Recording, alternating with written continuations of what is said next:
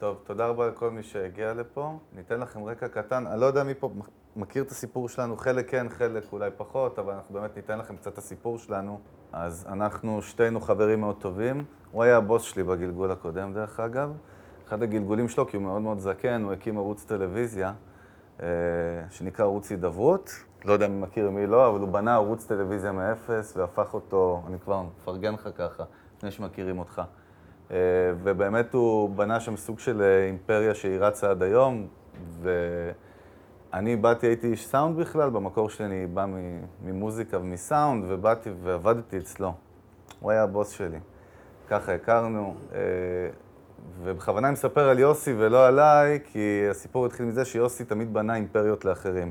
והוא לא ידע להגדיר את זה שזה נקרא למתג עסק ולבנות אותו ברמה המיתוגית-שיווקית. אבל הוא לקח דברים from scratch מאפס, בנה בכמה תחומים שונים, דברים מאוד גדולים. נפגשנו יום אחד ואני אמרתי, די, נמאס לי להיות שכיר, והוא אמר, די, נמאס לי לעשות אנשים אחרים מיליונרים. וישבנו, ואנחנו נקצר לכם את הסיפור, וזה סיפור הזוי. לפני קרוב לשש שנים אמרנו, אוקיי, מה אנחנו עושים? ישבנו בבוקר עם הקפה והסיגריות, ומה אנחנו עושים בחיים? אנחנו לא חוזרים להיות שכירים, ביי. Uh, to make a long story short, התגלגלנו ל... להקים חברה בתחום הפיתוח תוכנה, באוף שור, במדינה שנקראת מולדובה, בורת, סצנה מבורת. שמנו את עצמנו מקימים חברה לפיתוח תוכנה, אני מקצר כי זה סיפור מאוד מאוד ארוך.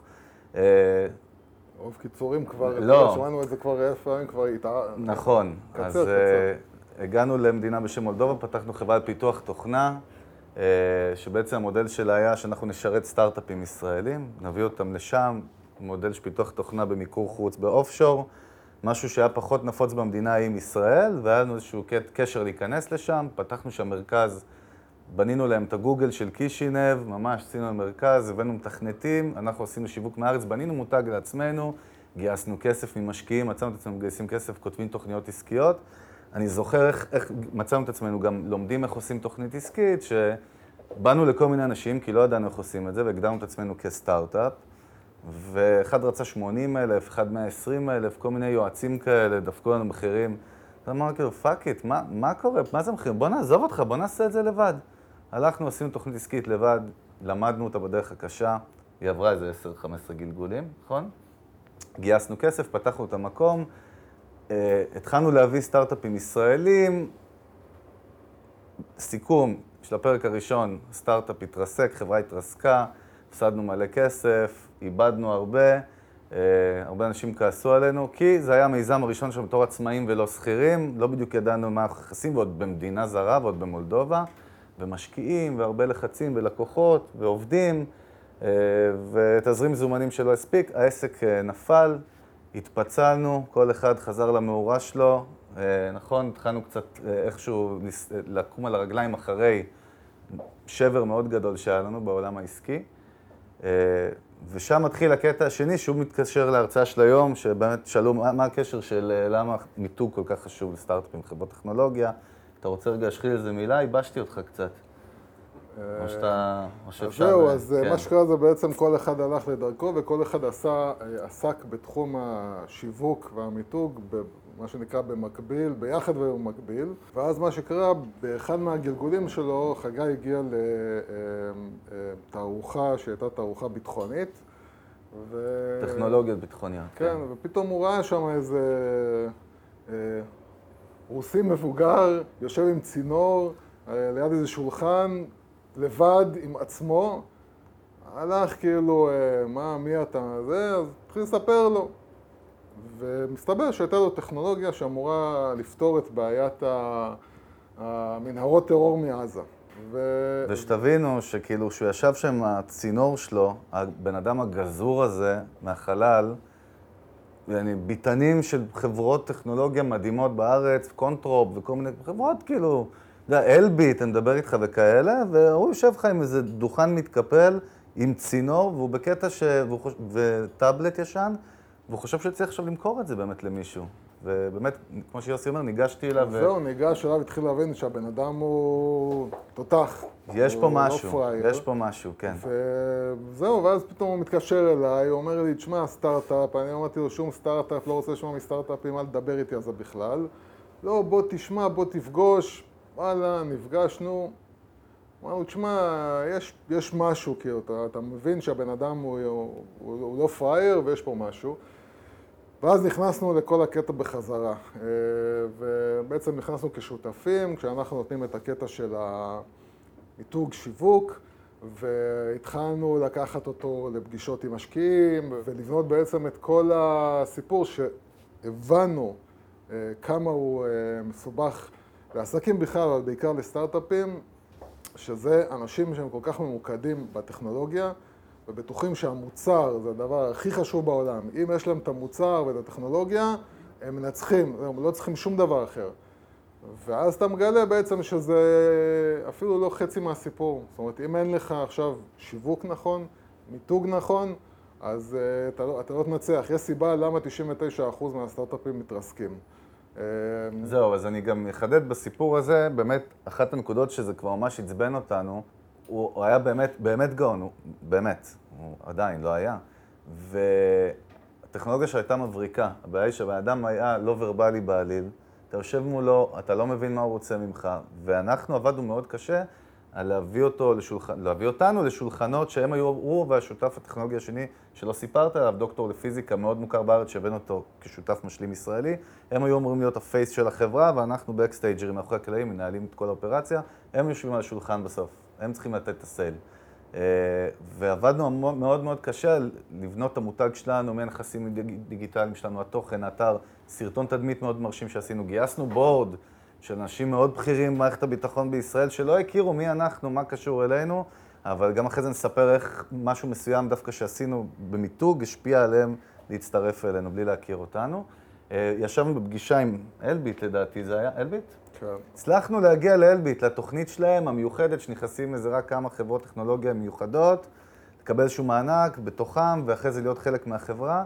הגענו לשולחן, ישבנו שם, הבאנו אותו איתנו, את החמוד, והוא בא עם כל הטאבלטים שלו והתרשימים שלו, ואמרנו לו, תקשיב, אתה לא מוציא את הדברים האלה, אתה עונה על שאלות פשוטות בצורה פשוטה, לא נכנס לעומק יותר מדי. ואני זוכר שהיה לנו ויכוח באוטו, והוא ויוסי כמעט הלכו מכות, ממש כאילו זה כבר נהיה זה. ואמרנו, טוב, אני מבטיח שאני לא אשלוב איך שהתיישבנו, איך שהתיישבנו. בן אדם שולף את הטאבלט שלו, עם כל הגרפים והבלגנים, אף אחד לא הבין על השולחן, וזה אלביט, לא תגיד, זה חברת הפקת uh, מסיבות טראנס. חבר'ה מאלביט לא הבינו מה הבן אדם רוצה. יצאנו בבושת פנים מהפגישה הזאת, ושם באמת הבנו כאילו את הקטע הזה לעומקו, בסיבוב הזה. כן, עכשיו הקטע, הבעיה, הבעיה הלכה והתעמקה, זאת אומרת ההבנה שלנו שיש פה בעיה הלכה והתעמקה גם לאורך התקופה שיש לנו את, הפודקאסט ואנחנו נפגשים בעצם עם, אה, עם החברות שבאות, לוקחות אותנו בעצם אה, לייעוץ והבנו כמה המושג הזה של שיווק ומיתוג נראה בעיני, בעיניהם של, אה, של בעלי חברות כמשהו זניח. זאת אומרת, הם כל כך מאוהבים בטכנולוגיה, שהם בטוחים שזה מה שמוכר, וכל העניין של שיווק משאירים לו איזה כמה. מיתוג השיווק, אנחנו אומרים שזה מיתוג כן, slash כן. שיווק, כן. משאירים לו כמה גרושים בצד, ואומרים כאילו... או שאומרים נעשה את זה לבד, שזה כן. גם טריפ שאנחנו רואים אותו הרבה, באמת. זה משהו בארץ שהוא... ואתה מתחיל ללכת איתם, ואתה אומר להם, אוקיי, בוא נראה את האתר שלכם. ואז אתה מגלה אתר... שאתה לא מבין מה רוצים ממך, אתה לא מבין מה הם מוכרים בכלל, מה המוצר שלהם, והם, הם, עוד פעם, כל כך בטוחים שמה שמעניין אנשים זה בוא תיכנס לבפנים של הטכנולוגיה ותבין אותה, שהם בעצם מפספסים את זה שמה שאנשים רוצים זה לדעת פשוט איך אתה פותר לי את הבעיה. זה כל מה שאני רוצה לדעת, איך אתה פותר לי את הבעיה. בוא, בוא תסביר לי איך אתה פותר לי את הבעיה. אז זהו, רגע, ואני... זהו, מי שלא מכיר, אתה מחייך, כי אתה קצת מכיר אותנו, נראה לי, מה... כן, כן. אנחנו מתחרים אחד על השני חופשי. אנחנו, זה לא הרצאה של אה, זה ואין גרפים, אוי ואבוי, אסור שיהיה אצלנו גרפים, ואנחנו גם מתווכחים לפעמים בהרצאות, אני מזהיר אתכם מראש, חלק מהעניין שלנו. אז תום, רגע, תן לי רגע להשלים לך משפט, קטע טוב. אה, הנקודה שאני כן רוצה שאתה תדבר עליה ונפתח אותה משם, זה הקטע הוא שהוא... רוב האנשים, וזה טבעי וזה נכון, הם חושבים שבייחוד כשאנחנו מדברים על סטארט-אפים, טכנולוגיות, חברות זה, זה מאוד שכלי, מאוד בינארי, מאוד כאילו, תשמע, או שיש או שאין, והם לא מבינים שזה בכלל קטע רגשי לחלוטין. אני לא מדבר על טכנולוגיה עצמה, טכנולוגיה זה טכנולוגיה, אבל בלמכור אותה החוצה, זה משהו שהוא בכלל קשור לפסיכולוגיה אנושית ולרגש, ובכלל לא לשכל. ואני כן רוצה שאנחנו תכף ניגע קצת יותר לעומק בנקודה הזאת, ואני אוביל אותנו משם פשוט מסיפור שקרה לנו. אה, והסיפור הזה הוא באמת המחיש, הוא אחד מהסיפורים, אנחנו חווינו הרבה כאלה. באחד הסיבובים שלנו בחברה הקודמת שסיפרנו עליה במולדובה, שכבר העסק התחיל אה, לגסוס, ואנחנו היינו בטוחים שאנחנו הולכים לגייס סיבוב השקעה חדש, לא ראינו בעיניים. וממש בנינו תוכנית ב' ויצאנו לסיבוב השקעה שכבר ניסינו להחיות את המת שהוא כבר אני, בארון למטה, מזמן. והגענו לאיזשהו משקיע דרך, אני זוכר, אח שלי, של חבר שלו ודוד שלו וזה, משקיע בחיפה, מישהו, איזה טייקון כזה, אחד מהכבדים של חיפה, אדם מבוגר, שהוא משקיע בחברות אה, הייטק. והגענו לשולחן, אתה רוצה לספר את ה... זה סיפור חשוב, הוא קצת כן, מצחיק, כן, אבל הוא חשוב, סיפור, חשוב כן, להבנה. כן. כאילו ישב, כן, ישבנו הבן אדם, יש לנו לקוחות, יש לנו אה, הכנסות, יש לנו חברה, יש לנו מקום, יש לנו הכל. ואנחנו רואים שהבן לא מתרשם, לא מתרשם, לא מתרשם, ואז הוא סיפר לנו, אמר לנו, כן, הייתה אצלי, היו אצלי לפני כמה זמן חבר'ה שיש להם אה, סטארט-אפ בפינטק, סטארט-אפ... לא, מדיקל, סליחה. פינטק. מדיקל. מדיקל. מדיקל. אה, ומה הם, הם עשו, איך הם מכרו לו, הוא השקיע שם כמה מיליונים, מה הם מכרו לו? הוא אומר, הם הראו לי איזה סיר כזה, והם לחצו על איזה כפתור, ויצא שם איזה משהו בתלת מימד כזה, מין מוח כזה בתלת מימד שהסתובב, בום, שמתי כמה אלפי דולרים. מיליוני. מיליוני, כן, סליחה. זהו, זה מה שעשה את המכירה. הוא לא מבין מה הוא קנה, הוא לא מבין, הוא לא מבין גם שהוא יראה את הכסף אולי בעוד 20 שנה במקרה הטוב. אה, מה שמכר לו זה שהוא לחץ, אז זה יצא, זהו. עכשיו, בשביל להשלים את הדוגמה, כי עכשיו אולי נבוא ונגיד, שמע, זה בן אדם שלא מבין בטכנולוגיה, זה מי שמשקיע בכלל בדלק ונפט, אז הוא, אפשר לעבוד עליו. דוגמה שנייה זה מולי עדן, שהוא היה המנכ"ל של אינטל ישראל, מי שמכיר. סיפור שהוא מספר, לא צריך אותי, הוא מספר והוא כותב את זה, והוא מדבר על זה, שהוא ניסה לאינטל העולמית במשך כמה שנים להוציא מהם סכום כסף של עשרות מיליוני דולרים, לטובת איזשהו פרויקט שהוא רצה להרים פה בחיפה באינטל. והוא מספר שכל שנה באתי להם עם מצגות ותוכניות וזה, ואין, אמרו לי, לא, אין אישור, אין אישור. שנה אחת לקחתי חברת וידאו, עשיתי סרטון תדמית שנראה הוליווד, שמציג איזה חזון, visual מטורף, ראו את הסרטון 60 שניות, שמו את הכסף. הוא לא הצליח להסביר שום דבר, הוא הצליח לגעת להם בלב ולגרום להם לשלוף את, הצ'ק, את הפנקס ולחתום על הצ'ק. ולמה אנחנו מובילים לנקודה הזאת? כי אצל סטארט-אפים, בייחוד אצל סטארט-אפים, ההרצאה עוסקת יותר ב...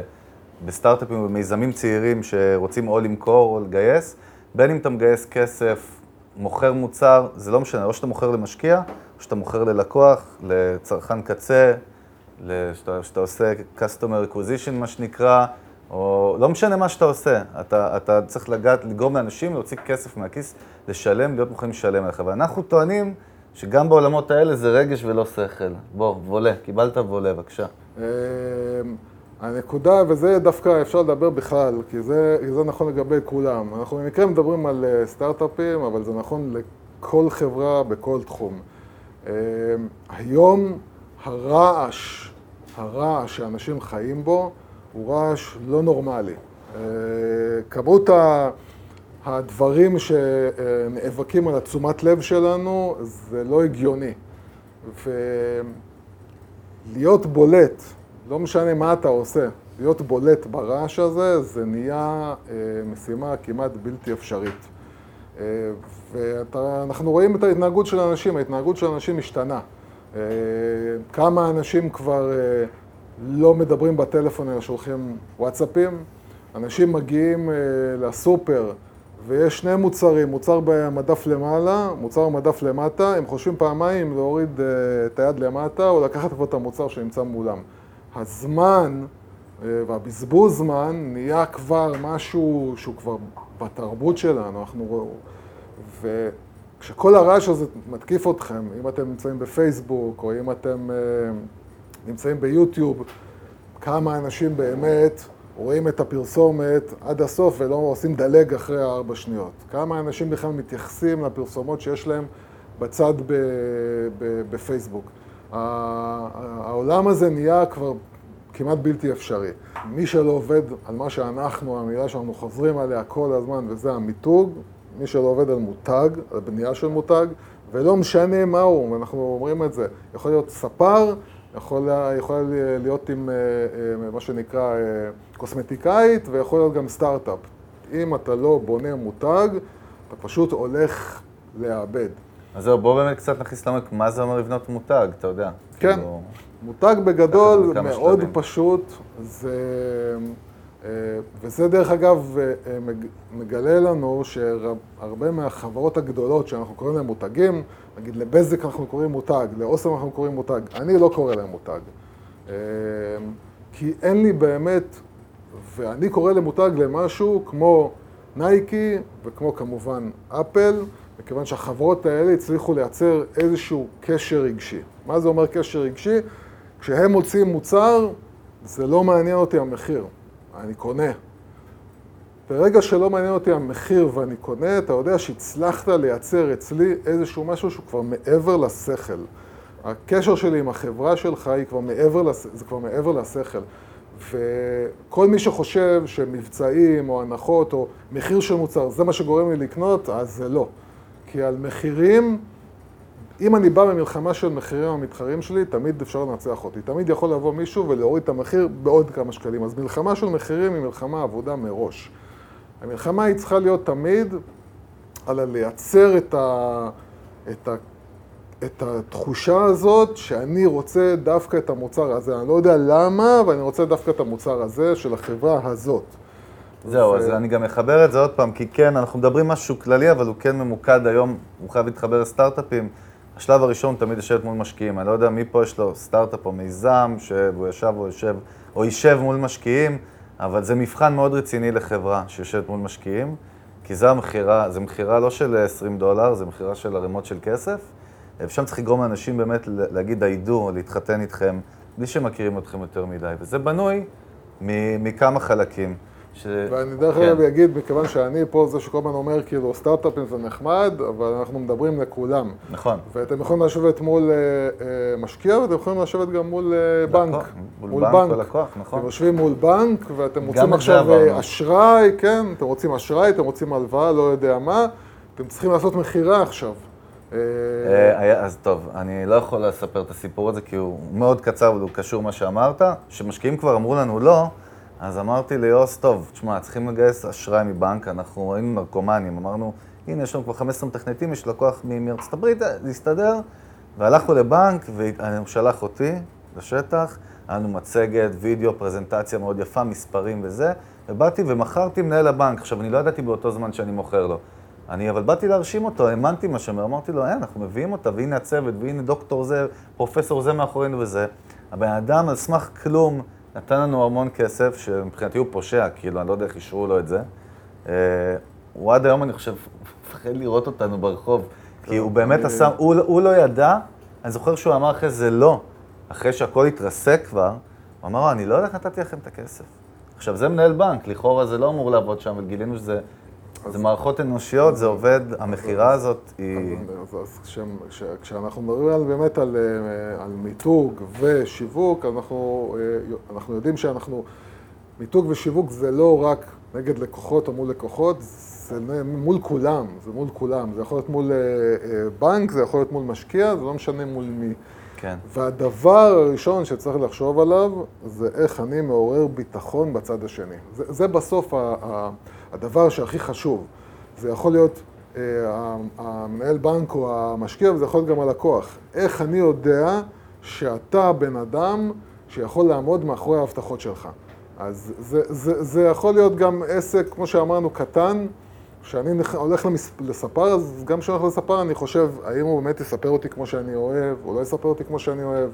כשאני הולך למנהל בנק, אז uh, ודאי, כשאני הולך למשקיע, ודאי אני צריך לעורר אצלו את הביטחון, אני הולך לשים כסף אצלם או לא הולך לשים כסף עליהם. ו...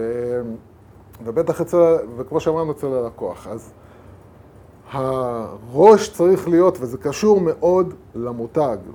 למרות שזה נשמע לא, זה קשור למותג. זה צריך לחשוב איך אני גורם לאנשים לקבל ביטחון לגבי החברה שלי, המוצר שלי, המותג שלי. זהו, רגע, זה חלק כמה, מהבנייה של המותג. יש כמה מיסקונספציות גם, בייחוד בישראל, אין מה לעשות על מה זה מותג. אז בואו קודם כל נסביר מה זה לא מותג, וזה גם מופיע אצלך באתר, בדף הבית, שמותג קודם כל זה לא לוגו. אה, כן. כי הרבה פעמים כשנפגשים חברות מיתוג, הן אומרות לך, אנחנו נעשה לך את הלוגו, אנחנו נעשה לך את ה-UI של, ה, לא יודע, של הממשק שלך, או את, ה, את הדף אינטרנט שלך, או את האתר שלך, או לא משנה מה, ואת השפת מותג שלך בכאילו, וזה בערך מה שהם קוראים לו לבנות מותג. בעוד שזה ממש לא, קודם כל זה לא נכון, זה, זה שקר, זה לא נכון, זה לא לבנות מותג. ראיה היא שהרבה לקוחות מתבלבלים בגלל אותן חברות. השבוע נפגשנו עם חברת, באמת סטארט-אפ, האמת מאוד מרשים, תחום הסייבר, שהשוק שלו זה ארצות הברית בכלל, והוא קרא לנו בשביל לשבת איתו על מה שנקרא naming, שזה בעצם להחליף את השם של החברה. ואני אמרתי להם, זה, לא מה, זה מה שיעזור לכם? הם יוצאים סבב גיוס ענק, לקוחות כמו ויזה וכאלה, והם עוד מוכרים מוצר שהוא צריך מאוד לתת ביטחון ללקוחות, כי זה סייבר ועניינים באבטחת מידע. זה חלק, זה חלק מ... לא... מה? נם, הנם, זה חלק... הוא, הוא חלק מכן שהוא חלק, אבל הוא רק חלק, הוא יד במערכת. אז זה בדיוק מה שאני בא להגיד, שכשנפגש איתם הסברתי להם, למה הבאתם אותי לפה? לניימינג כאילו? אתה מספר לי על כל ה... מה שאתם רוצים לעשות ולחדור לשוק עכשיו בחו"ל ולהגיע ללקוחות מאוד רציניים, ואז רגע, אני, לא, אני רק רוצה להשלים, שכשדיברת על המחיר, ואני אומר לך, זה לא היה חצי מהמשכורת שהביזדב שלו לוקחת הביתה בחודש, הוא אומר לי, תשמע, כבד עלינו, אתה מדבר איתי עכשיו. וזה משהו שתמיד אני אומר לך ואני נגנב אה, ממנו, בייחוד בחברות כאלה. אז אני אומר, הנקודה שצריך להוציא פה זה שאנשים צריכים להבין שכשהם אומרים, אני הולך לעשות מיתוג לחברה שלי, המיתוג זה לא הלוגו שלך. הלוגו שלכם זה לא, זה לא מה שאומר, עשיתי, עשיתי מיתוג. המיתוג הוא דבר מאוד, תהליך מאוד מאוד עמוק, אה, הוא תהליך שלוקח זמן, הוא התהליך של הבנייה של התפיסה לגבי החברה שלכם. והתפיסה, המוניטין, כל זה, זה תהליך שיש בו המון המון דברים קטנים שהלוגו והחברה, הרי בסופו של דבר, הלוגו של נייקי, בדיוק. אף אחד לא היה מסתכל עליו אם זאת לא הייתה נייקי. אם זאת לא הייתה חברה של מיליארדים, לא היה צוג שם גם אף אחד לא היה מתלהב מהמותג, אף אחד לא היה מסתכל פעמיים על, ה, על הלוגו. הלוגו נבנה בעקבות זה שהחברה הצליחה. אה, אז הלוגו והשם, שהם דברים נחמדים, והלוגו צריך בסופו של דבר להקרין כלפי חוץ. מי אתם ומה אתם ובאיזה תעשייה אתם, והשם צריך להיות איזה משהו נורמלי שלא נשמע... כן, למרות שתראה שבישראל חצי מהמותגים שאתה מכיר זה שמות משפחה, שטראוס, זוגלובק וכאלה, שמות משפחה של, של, של המשפחות. אבל... זה אה, באמת התוכן שיצוג בפנים. אז, אז זה לא, זה באמת לא הדבר, לא על זה עכשיו תיבנה ותצליח החברה. אז מה כן? החברה, החברה, או, זאת או, השאלה. תשאל אותה עוד פעם. מה כן? לאט יותר. בעריכה הוא יוריד את זה. השאלה, התשובה על מה כן, זה באמת השאלות שאתם צריכים לשאול את עצמכם, זה פרק מספר אחד. אה, זה באמת, אה, למה אנחנו בכלל נמצאים איפה שאנחנו נמצאים? אה, למה אני רוצה בכלל, למה אני החלטתי להקים את החברה הזאת? וזה לא רצוי, שזה לא, התשובה על זה לא תהיה בגלל הכסף. כסף. אם התשובה תהיה בגלל הכסף, אתם בבעיה. אה, כי חברה שבאה וקמה רק בגלל הכסף, המנוע שלה ייגמר באיזשהו שלב. כי uh, בכל חברה, אני לא יודע באיזה שלב אתם נמצאים uh, בחברה שלכם, אבל כל חברה מגיעה למצבים קשים. אין חברה שאני מכיר בעולם שלא חוותה ימים מאוד מאוד מאוד מאוד רעים. ובימים הרעים האלה, אם לא יהיה משהו מבפנים שמניע אתכם, אתם לא תצליחו לשרוד. וכשמישהו מקים עסק, חברה, בטח בטח סטארט-אפ, שסטארט-אפ זה מסע של שנים, שנים, אה, חייב שיהיה לו איזה משהו בפנים שאני רוצה לפתור את הבעיה הזאת כי היא מציקה לי, כי אני, יש לי את הבעיות בחיים שלי, כי תמיד זה הציק לי ואין אף אחד שפותר את זה כמו שצריך, אבל צריך להיות משהו אמיתי, אמיתי, אמיתי שיושב בפנים ומניע אתכם. וברגע שאתם יודעים את הלמה הזה, אתם מחליטים למי זה. זאת אומרת, למי זה מיועד, מי הקהל שלי. זה, אם זה לא מכולת, או ספר, או מישהו שאומר כאילו, כל אחד שנכנס פה וקונה את המוצרים שלי, זה הקהל שלי, זה כולם. רוב החברות הן לא כאלה, רוב החברות כן אומרות, אנחנו מכוונים את עצמנו לאנשים שרוצים לשלם פחות, אנחנו מכוונים את עצמנו לאנשים שרוצים מוצר יותר טוב ומוכנים לשלם יותר. איפשהו אני מכוון את זה למישהו ספציפי, לבן אדם, לקבוצה של אנשים. וכששני הדברים האלה נמצאים אצלי אה, פתורים, אז אני רק יכול להגיד, אוקיי, אז מה המוצר שלי, שהוא מתאים למה שאני רוצה לעשות, והוא מתאים לאנשים האלה, אז מה המוצר שלי? וברגע, ש... וברגע שכל הדברים האלה בנויים נכון, אני מתחיל להיות מותג. אני מתחיל להיות חברה שמה שאנחנו קוראים לה, יש לה DNA, יש לה איזשהו משהו שכל הערכים עכשיו של החברה, אה, כמו שאני הייתי פעם, אה, עבדתי באיזשהו מקום, שהבן אדם שעמד מאחורי החברה הזאת אמר לי, תקשיב, אם צריך למכור אגוזי, אני אמכור אגוזי. אם צריך למכור במבה, אני אמכור במבה, ואם צריך למכור אה, זה, אני אמכור זה. זה, זה לא, כל מה שאנשים רוצים לקנות, אני מוכר. ברור שזה לא נכון, ברור שזה טעות. כי לא יכול להיות שאנשים ייכנסו ויראו את זה ואת זה ואת זה ואת זה ויתחילו להגיד, רגע, שנייה, אז אתה, אתה אליי, אתה לא אליי, אתה... כמו שאני פעם בפילדלפיה נכנסתי למסעדה סינית וראיתי אגוזי בכניסה, ראיתי שמוכרים אגוזי וטוויסט, כן. וכאילו אמרתי, אוקיי, אני למסעדה אותי לא נכנס. מה פתאום מסעדה סינית מוכרת אגוזי. אז כל הערכים האלה זה בערך, בעצם הערכים שמתחילים אה, לקום מההחלטות הראשוניות ולבנות את המותג שלכם, לבנות פתאום משהו שיש לו ריח, יש לו טעם ספציפי, זה משהו שהוא שונה מכולם. והשוני הזה, שכולם, הרי כל מי שמתעסק בשיווק המיתוג, יודע להגיד, אה, הדבר שצריך להיות, הם צריכים להיות, שיש לכם את הייחוד שלכם, את המשהו המיוחד. מה שאתה קוראים לו בידול. את הבידול הזה, ובידול זו מילה מאוד גדולה ומרשימה, ש... מה זה אומר אבל? מה זה אומר בידול, כאילו? מה, איך אני יוצר את זה? אתה יוצר את זה שאתה מתחיל לבנות מההתחלה את השאלות האלה ולענות עליהן ולהגיד, אני לא מדבר עם כולם. אני לא מוכר לכולם. זהו, ומה הבעיה? שבארץ, עוד פעם, זה משהו במנטליות, וזה רוב הישראלים. זה ממש ככה, לא משנה מאיזה סדר גודל של חברה. אומרים, בסדר, אחר כך, עזוב, אני אתייחס, שאני אהיה גדולים, שאני אהיה שטראוס, שאני אהיה זה, שאני אהיה נייקי, אני אדבר איתך. וזה משהו שאנחנו באמת באנו... ודרך אגב, מפה אני אגלגל אותנו עוד פעם, לא יודע מי מכיר את הפודקאסט, מי לא, לפני שנה החלטנו שאנחנו באמת מקימים פודקאסט, כי אנחנו גם זיהינו קודם כל טרנד שבארץ עוד פחות מתייחסים אליו מחוץ לתעשיית ההייטק. יש לך 6,000 פודקאסטים על אה, ההוא מראיין את ההוא, זה אותם חבר'ה בסוף, כולם מראיינים אחד את השני. וכאילו העולם פחות בישראל, ציבור הרחב פחות מודע לפודקאסטים. ארה"ב זה מתפוצץ מאוד בעולם בכלל, ואמרתי לו, תשמע, שמעתי קצת מה שיש פה על שיווק. יש לנו שיחות סלון נפלאות שלנו, שיחות מרפסת, טוב, שיחות בתי קפה יותר נכון? אנחנו מאוד אוהבים בתי קפה, ובואו ניקח, בואו נעלה את זה למעלה, נשים את זה אונליין, מי שיאהב יאהב, לא יאהב לא יאהב, ובאמת הקמנו תוכנית, אתה מכיר. אה, זה אני, אותך אני יודע שאתה מכיר, כאילו, שאתה שומע.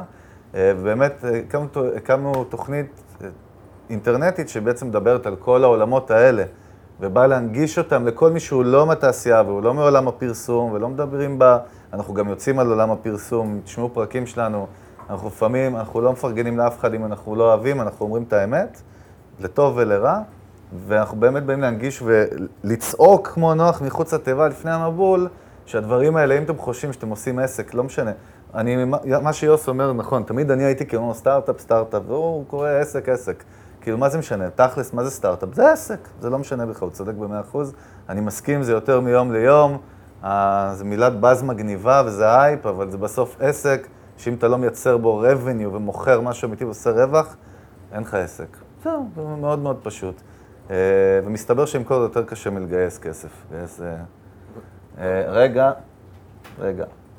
עכשיו בגללך כמעט איבדתי את הנקודה. אני מרגיש את הידיים שלו. מחכה, זה... מחכה בנקודה, אני יודע, מחכה. לא. תביא את הנקודה. הנקודה הגיעה. אז הנקודה היא שבאמת זה משהו שהוא must מהשלב הראשון, אני אסכם, בייחוד 2019, לא משנה מה אתם עושים, כי עסק אונליין, סטארט-אפ בתחום הפינטק, או אני לא יודע, זה לא משנה בכלל מה, ואתם לא תיתנו דגש על המיתוג והשיווק והבידול שלכם והמיצוב שלכם, כל המילים הפוצות האלה בתוך העולם של מיתוג, יהיה לכם מאוד מאוד קשה לעשות עסק שלא יתרסק תוך אה, חודש או שנה.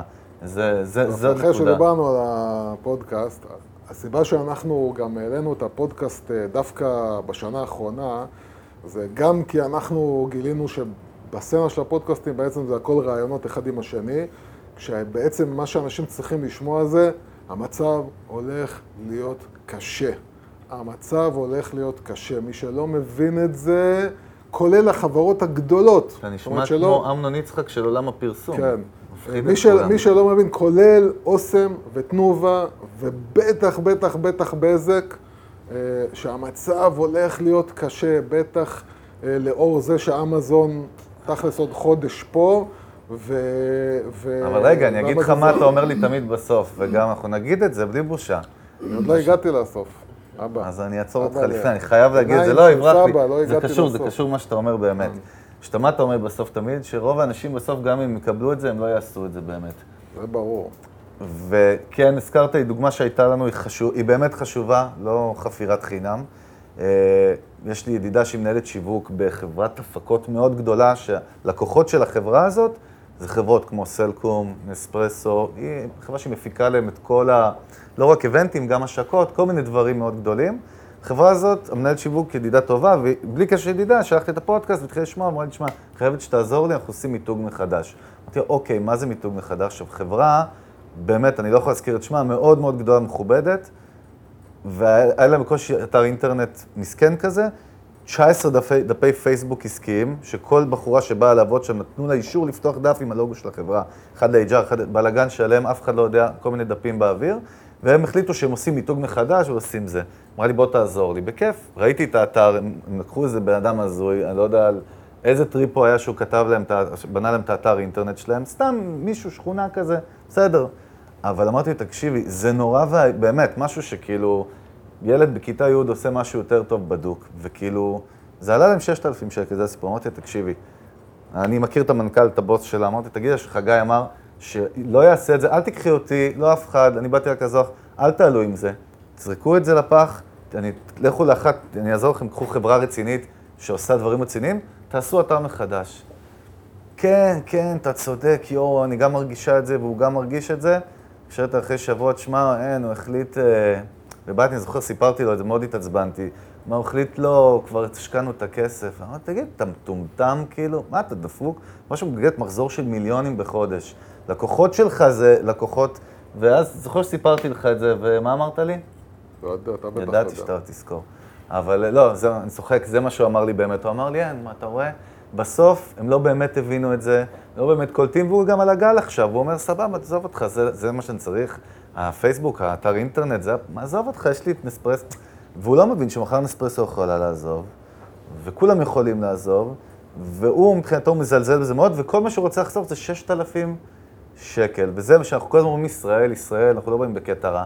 אנחנו באמת אבל רואים את זה המון, ובכוונה נתתי את החברה הזאת כדוגמה, כי זו חברה גדולה.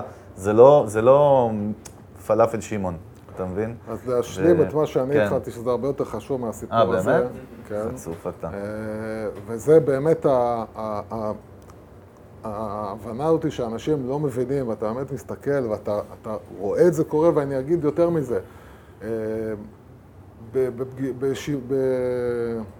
בישיבות שלנו, פגישות שלנו, שאנחנו ישבנו עם עצמנו ודיברנו, אני מדבר שנים, לפני שנים, לפני שש שנים, חמש שנים. ואני מדבר איתו, אני אומר לו, תקשיב, תראה, לשם זה הולך, לשם זה הולך, לשם זה הולך. ואנחנו רואים את זה קורה מול העיניים שלנו, איך, ה- ה- איך אנשים, ועוד פעם, אני חי בישראל, אז אני מדבר על ישראל, אני לא יודע אם זה ככה בעולם, יכול להיות שבעולם זה אותו הדבר בדיוק, אבל אנשים יושבים ולא מבינים שהמבול מגיע. העולם משתנה, בני אדם משתנים, התנהגות של בני אדם משתנה, הרעש בחוץ הולך וגדל, ואנשים נשארים כמו בתפיסה שלהם לגבי החברה שלהם, כאילו אנחנו עכשיו ב-2010 או, או ב-2015, ולא מבינים שה... ה- ה- כשאנשים אה, אומרים, אה, הפייסבוק הוא לא משנה, הוא לא חשוב, עזוב אותך פייסבוק כאילו. זה לא, זה, פייסבוק זה חרטא, אה, או שאנשים אה, מדברים על האתר, שאתה רואה אנשים חברות שהיום מגלגלות מיליונים, חברות שמרוויחות, לא חברות בנפילה, חברות שמגלגלות מיליונים, ואתה רואה אתר ואתה פשוט, אתה, אתה לא מאמין את כמות, כמות הטעויות הראיתי שנעשות שם. רק לפני כמה זמן, וגם אני יכול להגיד את השם של החברה, זה ארלי דיווידסון, שזה מותג מאוד מאוד גדול, ואני מכיר מישהו אישית שהוא בחברה בדרג בכיר, ואני הראיתי לו, שבאתי לאותו חבר, והוא אמר לי, דיגיטל, מה דיגיטל, אנחנו עושים דיגיטל, אמרתי לו, אין בעיה. אני רואה בדף פייסבוק של ארלי דיווידסון ישראל, אנשים שכותבים על זה פרסומות, אחד הפוסטים שלהם, חבל מאוד שרציתי לקבוע איתכם תור בסוכנות, לראות אופנוע, על מודעה של אופנוע. ואף אחד לא חזר אליי עד עכשיו. זה לפני איזה חצי שנה, אף אחד בכלל לא הגיב לזה. זאת אומרת, דברים כאלה שאנחנו מאוד מאוד מייחסים להם אז חשיבות, אז פה עוד פעם, פה הכנסת כי כאילו אמרת פשוט מותגים גדולים, אז פה- כן לא. פה הכנסת עוד משהו שלא כן, דיברנו עליו, שזה לא בכלל כן. אה, השירות, השירות שלי, איך אני מתעסק עם הלקוחות שלי, איך אני. משרת אותם. נכון. זה משהו שהוא כאילו, עוד לא, פעם, הנקודה שיותר עוד אחד, רציתי להגיד זה באמת הדגש, החברות עצמם. תעצור בצד. אה, באמת משהו שאנחנו כאילו אה, נשמע לא קשור, אבל זה עוד פעם שתבינו כמה המושג מותג זה דבר לא מה שאנחנו מבינים שהוא, אה, זה השירות שלי, איך אני מתעסק עם הלקוחות שלי, זה חלק מה, מהמותג שלי. והעובדה שאנשים בישראל ב-2019, וחברות לא, לא קטנות, חברות גדולות, כן. מזלזלות, לא עונות לאנשים, לא מגיבות, או אם מגיבות תגובות נוראיות ומזלזלות בנכסים דיגיטליים כמו לינקדין או כמו פייסבוק, שלא לדבר על יוטיוב שאף אחד לא עונה. אנשים אפילו לא מבינים שאנשים מגיבים ביוטיוב על סרטונים שלהם, הם אפילו לא מבינים את זה. אתה רואה שם תגובות של, על סרטונים מלפני שנים שאף אחד לא מגיב על, על זה. אה, העובדה שאנשים לא מבינים לאן זה הולך, ש, ש, שהלקוחות שלכם, ולא משנה מה הם עושים, הדרישות שלהם הולכות וגדלות. אם ניגע שנייה כן בסטארט-אפים ש, שלשם זה הגע- הגענו לכאן, המוצרים שסטארט-אפים מייצרים היום, אם זה לא מוצר שפותר בעיה גדולה, אתם בבעיה. אם אה, סטארט-אפ קם בשביל לפתור איזשהו פיצ'ר, הסיכוי שלו לשרוד הוא מאוד מאוד קטן. רוב הסיכויים שהחברות הגדולות שמתחרות בכם פשוט, אם הם לא עשו לכם טובה גדולה וקנו אתכם, הם פשוט ישלימו את כן, הפיצ'ר שבוא הזה. נהיה מציאותים שרוב הפעמים זה לא קורה. אז, אז אם אתם לא באים לפתור בעיה, כי אנשים הופכים להיות עצלנים. עצלנים. ואנחנו מדברים על זה כל הזמן. אה, ה- ה- אני גר ב- בעיר חרדית, באלעד, והבן אדם, ש- הקצב שלנו, ההזמנות שלנו נעש- נעשות דרך הוואטסאפ. אנחנו פשוט לא מגיעים, אנחנו לא מגיעים אליו, לא מגיעים הקצר. לשם בכלל. פשוט אנחנו עושים הזמנה בוואטסאפ ומקבלים את זה הביתה. וזה ב- ב- בעיר חרדית. אה, האנשים הופכים להיות עצלנים. הסיבה שאמזון מצליחה כמו שהיא מצליחה, זה בגלל שאתה עושה הזמנה בכפתור אחד. כפתור אחד, סוגר לך את כל ההזמנה. שתי שניות, עשית הזמנה, אני, אני זוכר, אני הייתי בשוק, לא מזמן, ועוד לפני שהם נכנסו אה, לארץ, אה, הזמנתי מטליות לניקוי משקפיים ב-50 שקל, וקיבלתי אותם עם שליח אחרי יום הביתה. כן, אה, אבל מצד שני, חברות גדולות, שגם אני לא תמיד מאשים אותם, כי הם בדרך לשם, כשאני עשיתי משלוח ברמי לוי פעם ראשונה אונליין, ואמרתי, איזה כיף, יאללה, מביא אותה, ישבתי עם אשתי שעה וחצי, כמו זקן, לעשות את ההזמנה, בסוף ב- בקארט, כשאתה יוצא החוצה לתשלום, שואל אותך מתי אתה רוצה את המשלוח, והמשלוח הקרוב הוא עוד יומיים, כאילו. עכשיו, זה משלוח של אוכל, זה מגוחך, כאילו. תגיד זה לאמריקאי, יגיד לך, תגיד, אתה מטורף? אני מזמין פיל, הוא מגיע לי הביתה תוך שעתיים לחנייה, כאילו, עם שליח. וזה משהו, אבל שבאמת אנחנו רואים, דיברנו על זה בפרקים, מנסים לייעל את זה, זה מצחיק, אנחנו מאוד, אה, אנחנו אלופים בלייצא טכנולוגיות לפתח, אבל ליישם אותם לא תמיד ראשונים, זה בעיה, אבל אה, ארה"ב היא באמת דוגמה מדהימה, הדברים האלה. אבל, אה, בייחוד החבר'ה הצעירים, אין לנו היום זמן לדבר על הכל, אבל... אבל זהו, מה שחשוב באמת להבהיר, וזה לכולם, לכולם, לא משנה מה התעשייה שלכם, לא משנה מה העסק שלכם, הדבר שצריך להעסיק אתכם כל היום זה איך אני מייצר כמה שפחות בלגן ללקוח שלי בשביל לקבל את מה שהוא באמת רוצה, וזה מצחיק, הרבה פעמים גם החברות לא מתעניינות כל כך במה הלקוח רוצה, הן יותר מתעניינות במה הן רוצות לתת. זאת אומרת, הבעל חברה, הבעל סטארט-אפ, לא משנה מה, כל כך כל כך מאוהב, מאוהב, כן. מאוהב ברעיון שלו ומאוהב, אם זה סטארט-אפ בטכנולוגיה שלו, שהוא פחות מתעניין בעצם במה הלקוח באמת רוצה ויותר במה מעניין אותי למכור. והדבר שצריך לעניין אתכם זה רק דבר אחד, זה א', שני דברים. זה א', באמת, איך אני, לא משנה מה אני עושה, ושוב, הקוסמטיקאית, הספר, לא משנה מי אני, איך אני עכשיו מייצר את הקשר שלי עם הלקוח בצורה הכי מהירה, הכי זריזה, ומוריד ממנו את כל הבעיות של לקבל ממני את המוצר ולהגיע אליי, ואיך אני עכשיו יושב ובונה לעצמי שם, מוניטין, כשאני מת- מתייחס לכל פרט, לאיך אני מדבר עם אנשים בפייסבוק, ו, ומה הפרסומות, הפר, הפרסום שלי, איך הפרסום שלי הולך. האם הפרסום שלי הוא רק לבוא ולהגיד מבצע, מבצע, מבצע, מבצע, או בואו תקנו, או שאני עכשיו חושב מה באמת הבן אדם צריך ואיך בפרסום שלי, בפרסומת שלי, אני בעצם מודיע לו, אני פותר לך בדיוק את מה שאתה רוצה שאני אפתור לך, וכמובן הדבר שאנחנו אה, לא נגענו בו, וזה הדבר שאנחנו תמיד חוזרים עליו, ודיברתי עליו לפני, אה, לפני, לפני שהתחלנו את השיחה, אה, וזה ליצור תוכן. כן, אני ה- גם ידעתי שאנחנו לא נוכל לגעת בזה כמו שצריך באמת. היצירת, היצירת. תוכן, היצירת תוכן, בגלל שאמרתי עוד פעם, שהפרסום, הנושא של פרסום הוא נהיה מטורף. זאת אומרת, אם מודעה בגוגל עלתה לי לקליק לפני עשר שנים אה, שני שקל, היום אני יכול, כל קליק יכול לעלות לי 50 שקל בקלות. ו, ומודעות בפייסבוק, שאין לי engagement, אנשים לא, לא, לא מגיבים אליהם בכלל. אנחנו רואים שמה שקורה זה שאנשים פשוט מתעלמים, הם מתעלמים מפרסום, ואז הדרך היחידה שכרגע אני מכיר לעקוף את זה, זה היצירה של התוכן. עכשיו, מה שאני אומר יצירה של התוכן, וזה הטעות הגדולה שאנשים עושים, זה, זה, אה, זה, זה ה funneling הזה, זה להגיד, אוקיי, אני אכניס אותו לפה על ידי זה שאני אתן לו איזה טיזר לתוכן, אבל אני לא אתן לו באמת את התוכן, אני אתן לו כאילו תוכן, הוא יבוא, יגיד, רגע, רגע, רגע, רגע, שנייה, אה, בוא, בוא נקשיב לבן אדם, ואז אני מושך אותו, וזה אנחנו רואים הרבה עם מנטורים למיניהם, שאומרים לך, בוא, תכניס את האימייל שלך, קבל אה, זה. זה גם כבר נשרף. מה זה? זה גם כבר נשרף. נשרף לגמרי. כי אנשים כאילו... הם עוד לא קולטים שהם גם שרופים ברמות, הם אה, גוססים. אנשים אומרים, כאילו, מה עכשיו אני אכניס את האימייל שלי, ואני אתחיל לקבל את כל הספאם שלו, ולא בא לי על זה, ומוותרים על זה. לא, אנחנו מדברים על משהו, level חדש של תוכן, עוד פעם, באמת שלא נוכל לגעת, זה, זה הרצאה בפני עצמה. אבל- שנייה, יש לנו על זה גם, דרך אגב, יותר מפרק אחד שאנחנו מדברים על זה בפודקאסט, אתם מוזמנים להאזין, אבל כן, אנחנו פשוט, אה, אה. אני, אני, רגע, אני רוצה לתת איזושהי דוגמה. כן. אתה רוצה לסכם את זה לפני שתי דוגמה, ומשם נלך לשאלות ותשובות קצת. כן, דוגמאות, אה, כן, פחות נראה לי, אנשים פה... כן, אתה חושב? הקהל, הציבור מתחיל אה, לזוז באי נוחות. אני לא אה, חושב. אז אני- עכשיו אני- דווקא אני אתן דוגמה, ואני ידעתי, אעצור אותך.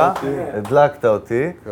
אז בדיוק עכשיו דיברנו בפרק על זה שסטארבקס, שזו חברת קפה, עכשיו נכנסה להפקת מקור של שש פרקים בהשקעה מאוד גדולה עם אמזון. שישה.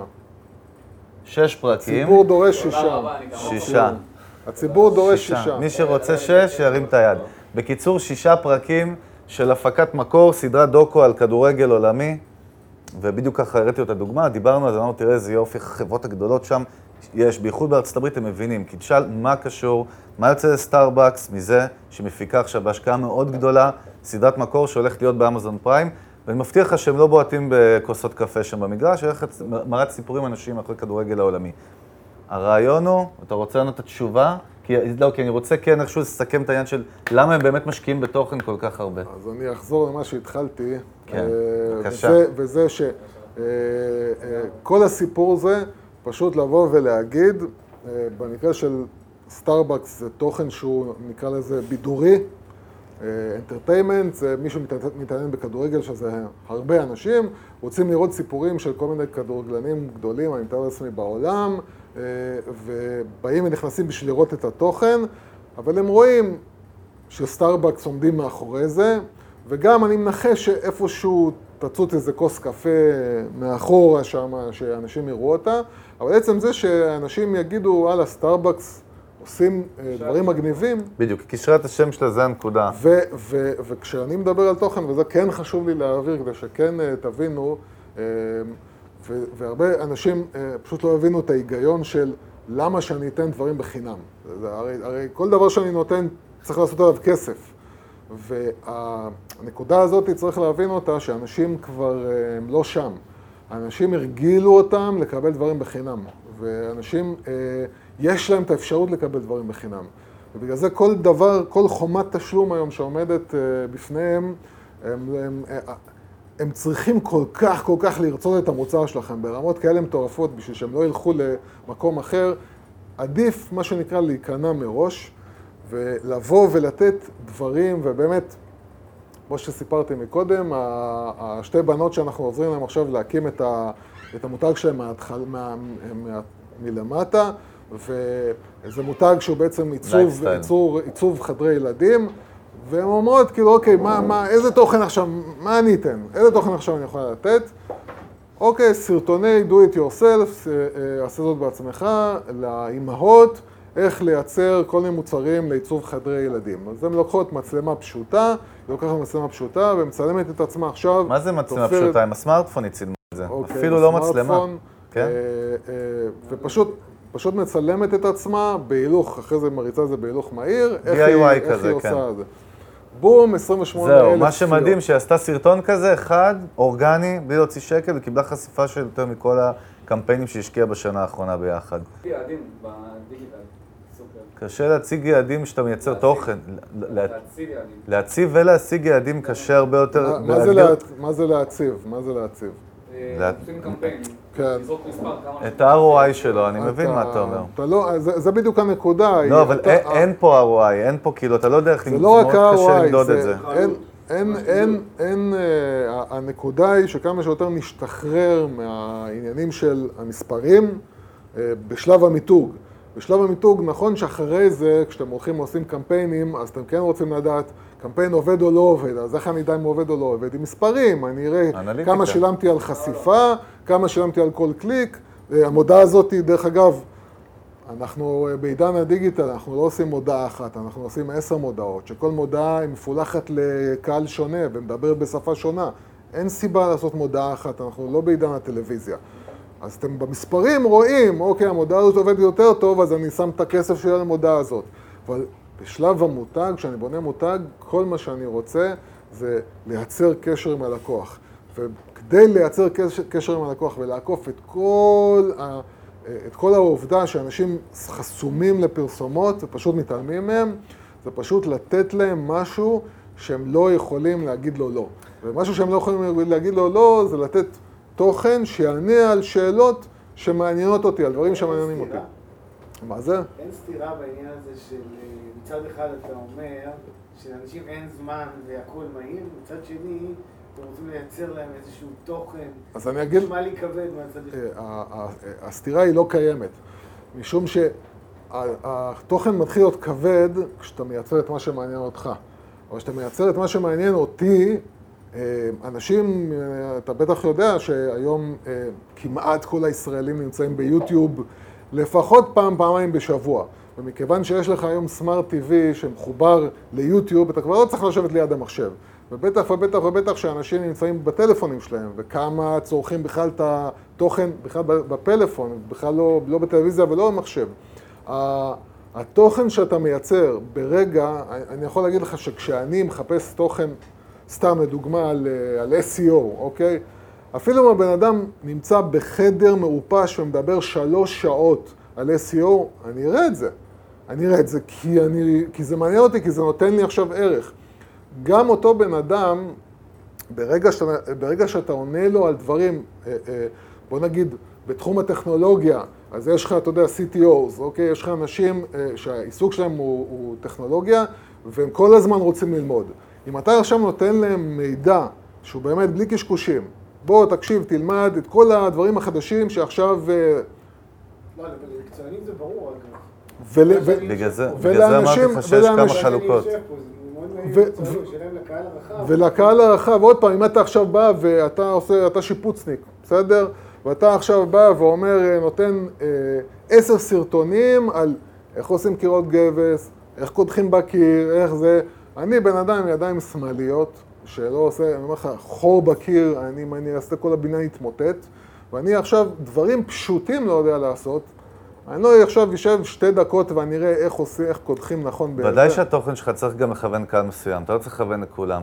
יש לי באג שהיא שינתה אימפריה של אה, DIY בקוסמטיקה ומוצרי טיפוח הגוף באינטרנט, היא פונה לקהל מאוד מסוים של בנות בגיל מאוד צעיר. בן אדם בן 50, אין לו כאילו סוטה חבל על הזמן, הוא לא יראה אותה, אתה מבין? אז זה בסדר, כל אחד פונה מראש עם התוכן שלו לקהל שהוא רוצה לעניין אותו. טוב, אנחנו כאילו בתוך השאלות כבר, אני מבין, יאללה, נכון? כן. יאללה. כן. תגיד לי, מבחינת אה, תוכן שאתה אומר באמת ליצור, עכשיו נגיד סתם דוגמה עסק של אה, הפקת אירועים, הצעות נישואים. עכשיו. אני חושב באמת על איזה תוכן ליצור. מה זאת אומרת, ההתמחות זה אה, הצעת נישואים? קיצור, אז נגיד עכשיו באמת אתה חושב איך לייצר תוכן באמת רלוונטי לקהל, נגיד אני חושב שאם זה חברה של החברה או החבר שלה, ליצור איזה רגע משם, תשמע, להעלות תמונות של ההצעה שהייתה אתמול זה נחמד, זה לא באמת איזשהו תוכן זה, זה חוץ, זה רק יפה. אבל נגיד, אתה יכול לעשות עכשיו תוכן של וואלה, להראות איך עושים את ההצעה עצמה, איך להפיק. אבל איפשהו תמיד יהיה את החשש הזה של, אתה מבין את זה בתור בעל עסק, שכאילו, רגע, אני- שיגנבו יעתיקו ממך. אותך? מה? שיעתיקו אותך? מה? לא שיעתיקו אותי, אני בעצם מלמד איפשהו נגיד את ה... שיעתיקו אותך. שלי, אוקיי? יכול, במקום להזמין ממני, רגע, נכון. שנייה. עכשיו, ברור שאני מאמין שדבר כזה ייצר אינגייגמנט, ו... השאלה אם הפחד, ש... יש, יכולים להיות פה שני, אה, אה, שני דברים שמפחידים אותך. קודם כל נגיד שבאמת מישהו אחר יבוא וייקח, את, שזה דרך אגב לא מעניין, זה פחד לא רלוונטי בכלל, משום שאף אחד לא יכול לעשות מה שאתה עושה. זהו, אף אחד בעולם לא יכול לעשות מה שאתה עושה. זה דבר ראשון. הפחד היותר, שאני חשבתי שאולי אדבר עליו, זה אולי האם אתה מגלה חלק מהקסם. זאת אומרת, חלק מהקסם אולי מתפוגג ברגע שרואים את כל המאחורי הקלעים.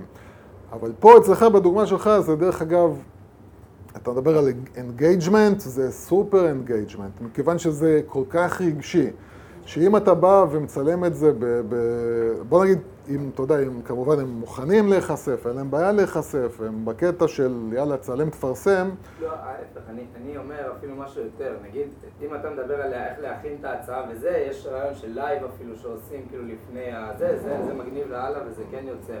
כן. סתם, אני רוצה לשתף את הקהל שלי, סרטון תוכן, אה, איך עכשיו אני עושה לבת זוג שלי מאפס אה, הפקה של הצעה, בסדר? אז איפשהו בדבר הזה... אני לא, אני לא חושב, אני לא יודע אם זה מה, מה, שאתה שאתה צריך חושף את סודות. הגרעין כאילו? אני לא חושב קטע? שזה מה שאתה צריך לעשות, אני חושב שבמקרה שלך, קודם כל ברור לך שמדובר פה על סצנה מאוד רגשית. וברור לך שאנשים ירצו לראות את זה בשביל ערך בידורי. בלי קשר, אני נשוי, אני לא הולך לעשות חתונה, אה, אני רואה את זה כי זה מגניב לראות את זה. אה, ואתה מראה הפוך, אתה מראה, קודם כל אתה לא מראה את הכל, אתה לא מראה עכשיו את זה, אתה מראה, אתה בונה כמו כתבת צבע כזאתי של כל הוואי וואי וזה, ואיך אני אעשה, ואם תגיד לי לא, ואתה בונה את המתח הזה, יש לך פה סצנה מסרט, שאתה בונה אותה, זה הכי ויראלי שבעולם. זאת אומרת, זה ודאי שאתה גם לא, אתה לא מראה את כל התהליך. אתה, הסרטון הזה הוא לא בא בשביל ללמד מישהו איך זה נעשה. הוא בא אך ורק בשביל לקחת סצנה רגשית ולערב אותו מבחינה רגשית, את הצופה במהלך הרגשי, בהתרגשות פה, בהתרגשות בצד השני. יש לך פה שני צדדים, כלה וחתן, כל אחד עם הסיפור שלו, כל אחד הולך עם צלם שמצלם עכשיו את כל ה... היא לא יודעת בכלל שהולך להיות. אתה מביא איזה סיפור ש... ועל הדרך אתה מצלם אותה בשביל זה, כשהיא לא יודעת בכלל שכשהיא עכשיו הולכת, ואתה בונה את המתח הזה, היא עכשיו הולכת בעצם לאיזה משהו שהיא בכלל לא מצפה לו, ווואי זה קורה, קאט, תגיד לו כן, תגיד לו לא, חושך. מה היא תגיד? כאילו, בום, כן, אוקיי? ודאי שיש לך פה משהו, תוכן בידורי, רגשי, שבאופן ויראלי אמור, לפי ההיגיון שלי, להביא לך אלפים ועשרות אלפי צפיות. אבל כששאלת על תוכן, גם רוצה להוסיף שזה לא חייב תמיד להיות בדיוק מה שאתה עושה, זה יכול להיות דברים נלווים, זה יכול גם, תעשה קריאיטיב, תהיה יצירתי. כן, לא, זה, גם הכי נדוש לפעמים לעשות את בואו תראו איך עושים את זה. כשאנחנו אומרים תוכן, זה יכול להיות המון, המון המון דברים מסביב, זה לא חייב להיות זה. זאת אומרת, זה לא חייב להיות איך בואו תראו איך מפיקים חתונה. אתה יכול לתקוף את זה מזוויות אחרות, אני לא, אי אפשר לחשוב על כל הרעיונות עכשיו, אני. אפשר סתם לזרוק כיוון אה, לגידולים בתחום הזה, כי עכשיו אני גם יוצא לראות הרבה אנשים שעושים את זה, בקטע של החתונות. ככיוון מחשבה לעשות את זה בספוטים מיוחדים שאתה לא חושף אותם. שרק אתה מביא את הזוגות לשם על הצעות נישואים. למשל, שהאנשים שרוצים להציע פונים אליך. אה, אני בכלל הייתי עושה סדרת רשת, שכל פרק זוג אחר אה, רואים אותו לא, בלייב עושה את זה. עשו דבר כזה של ראיונות כאלה, של הזוג, שהוא מדבר לפני, אחרי זה ראיינים אותו אחרי, ראינו אם זה אותן תשובות בכלל, וזה הרבה, יש הרבה כאילו רעיונות, פשוט באמת איך לחשוב בכלל כבעל עסק על, על, על כיוון לתוכן, מה הקהל שלי. אז אני אומר, זה- כמו עכשיו שאמרת, שזה משהו למשל שהוא כאילו בכלל לא ב... לקחת בעצם זוג של שני, שני בחור ובחורה שחיו ביחד שנים, ואז לבוא, ואנחנו מכירים את זה כאילו מדברים, מתוכניות אחרות, שאתה שואל שאלות, רגע, אה, מה האוכל שהוא הכי אוהב? והיא אומרת המבורגר, והוא אומר איזה המבורגר, כאילו, אני שונא המבורגר. אז זה כאילו לא קשור לעסק שלך, אבל אנשים יבואו, יראו את זה בשביל הקטע, אם זה חמוד וזה. אז, אז הנקודה היא באמת, יש קודם כל את הסיפור הממש של מה שאתה עושה. שאמרתי לך, לדעתי אם תייצר סרטונים שעשויים טוב של סיטואציות כאלה, הם אמורים לרוץ לך בפייסבוק בלי שום בעיה. אבל תחפש באמת משהו ב, ב, ב, ב, ב, בתעשייה שלך שאפילו לא נוגע ישירות, הוא נוגע בעולם של חתונות באופן כללי, ופשוט תנסה. זה, זה כאילו הנקודה, אתה לא צריך לחשוש כאילו, רגע, זה יתפוס, לא יתפוס.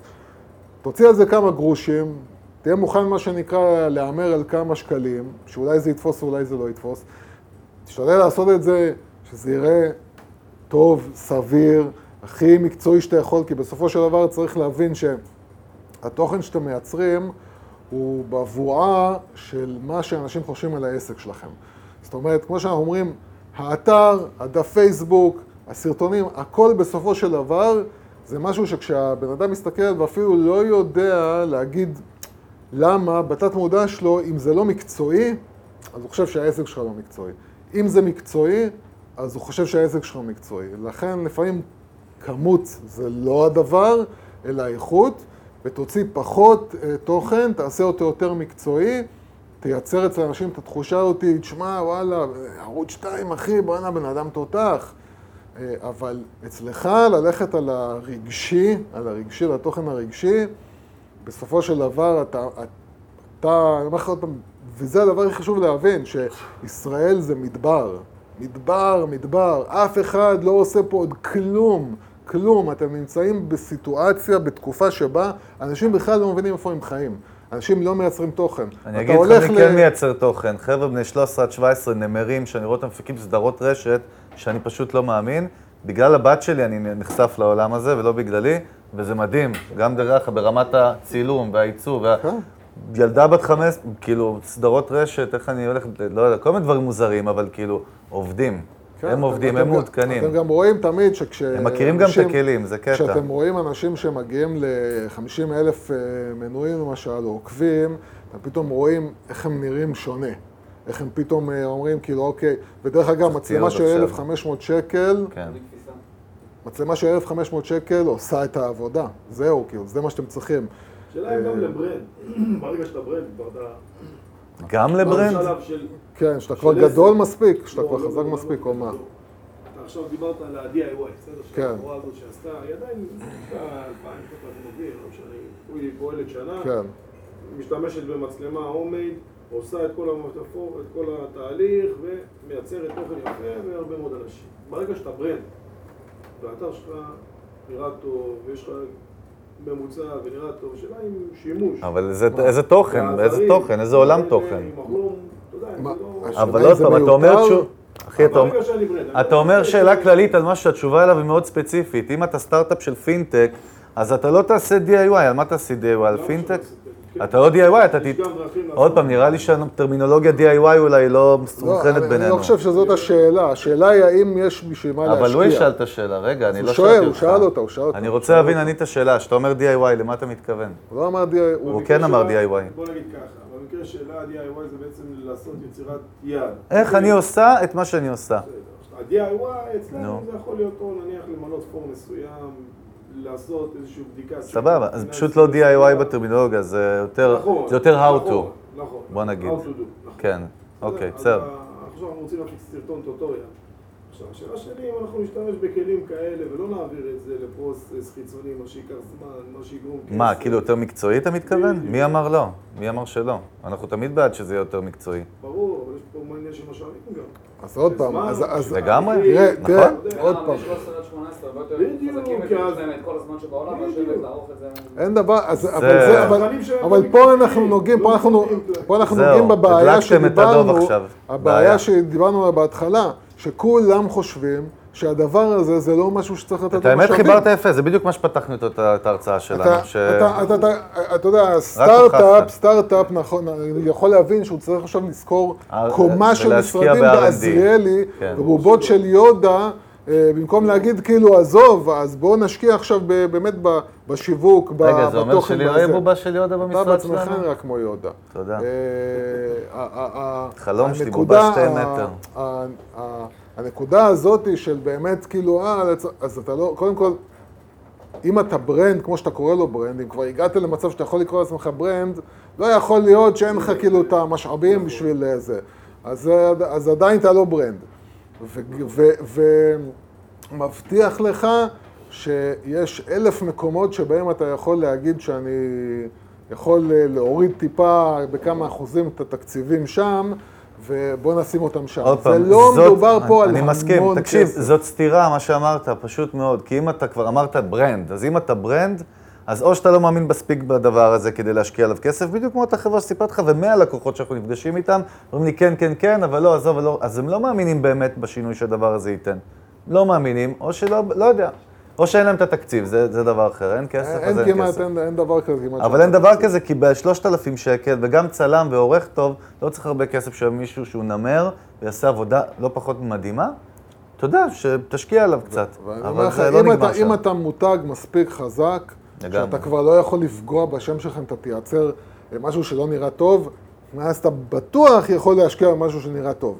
אם אתה לא יכול להשקיע במשהו שנראה טוב, אז אתה עדיין לא במקום כזה, ואז עדיף שתשקיע במשהו, אפילו שהוא לא נראה הכי טוב שבעולם, אבל תעשה משהו. ת, ת, תהיה שם בחוץ עם משהו שיעניין אנשים, שהם יבואו אליך והם ייצרו איתך איזושהי מערכת יחסים, כי אתה נתת להם ערך, ערך, ערך, ערך, ערך, ובבוא היום או שהם ייקחו, או שהם אה, אה, ייקחו אותך בתור אה, ספק, והם יהיו לקוחות שלך, או שהם לא יהיו לקוחות שלך. או שהם ילכו למישהו אחר, לא, זה לא מעניין אותך. אבל אתה בטח תהיה שונה ממאה החברות שמתחרות בך, והן לא נותנות כלום, הן רק מבקשות. וברגע שאתה מרגיל, מלמד את הלקוחות שלך, את הלקוחות האולי שלך, שאולי יהיו לקוחות שלך, שאתה נותן, שאתה בן אדם שנותן. עצם זה שאתה אה, אה, מייצר את התחושה הזאת שאתה נותן ואתה לא רק רוצה משהו, אתה שישראלים מאוד ציניים. אם אנחנו מדברים על השוק הישראלי, ישראלים מאוד ציניים, ואני אומר לך שכל מי שחי קצת, בטח בארצות הברית, יודע שם, אז יש סיבה למה ישראלים שהם יוצאים לחו"ל לעשות עסקים, הם מצליחים שם בטירוף. כי אמריקאים זה אנשים מאוד מאוד... לא ציניים. קל לעבוד עליהם, כן. קל לעבוד עליהם. ישראלים הם כל דבר עשר, מאה אלף שאלות, ומי אמר, ומי זה, ובסדר, אתה אומר לי ככה, וכל מיני סיפורים כאלה. נכון. ופתאום, שאתה, אתה יודע, בהתחלה כשאתה נותן להם משהו, אז הם תמיד אומרים, רגע, רגע, מה הוא מוכר? מה הוא מוכר? מה הוא מוכר? מה הוא מוכר? אבל כשאתה נותן, נותן, נותן, נותן, נותן, בסוף הצינות הזאת נשברת. ואז מגיע השלב שבא הבן אדם אומר, בואנה, תשמע, אחלה, אחלה, תראה, בואנה, מה הוא נותן, הוא נותן, הוא נותן, ואז זה מתחלף באיזו תחושה של... לא נעים, אני צריך לתת לו משהו בחזרה.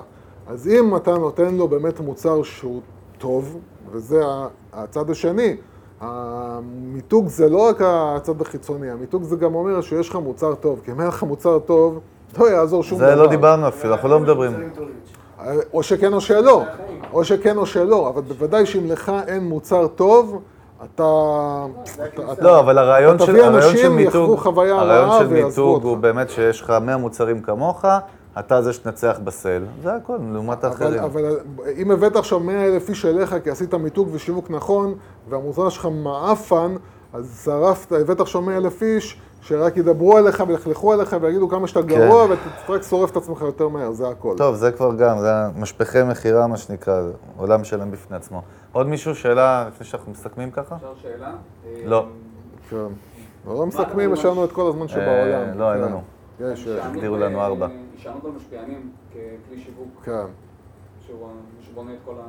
כן, אז קודם כל, הנושא של המשפיענים הוא בהחלט, בהחלט, בהחלט, למוצרים הנכונים, מה שנקרא, הוא בהחלט, בהחלט, בהחלט אה, אה, דרך מעולה, למרות שבישראל כמות המשפיענים שהם באמת, באמת, באמת... אה, אחת הבעיות זה משפיענים פה הם בעיקר לצעירים, מה שנקרא, לקהל הצעיר.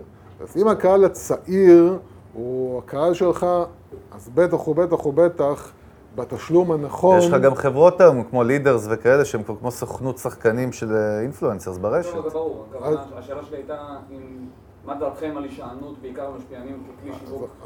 אז רגע, אני תלוי במוצר. זהו, בדיוק, רציתי להגיד שזה מאוד מאוד תלוי. מאוד מאוד תלוי מה אתה עושה. אם זה אופנה, ואם זה אופנה לחבר'ה צעירים, כי רוב המשפיענים פה זה צעירים. אני אגיד לך גם יותר מזה. אני אגיד לך יותר מזה, אני לא דוגל בהישענות על שום פלטפורמה אחת או סוג אחד של פרסום בחיים. אתה בדור, אנחנו מדברים על זה הרבה, שצריך לעשות multi channel marketing, מה שנקרא. אתה תישען על משהו יותר מדי, אתה יכול לאכול אותה, אתה חייב לפזר את הסיכונים שלך ולהיות בהרבה מקומות.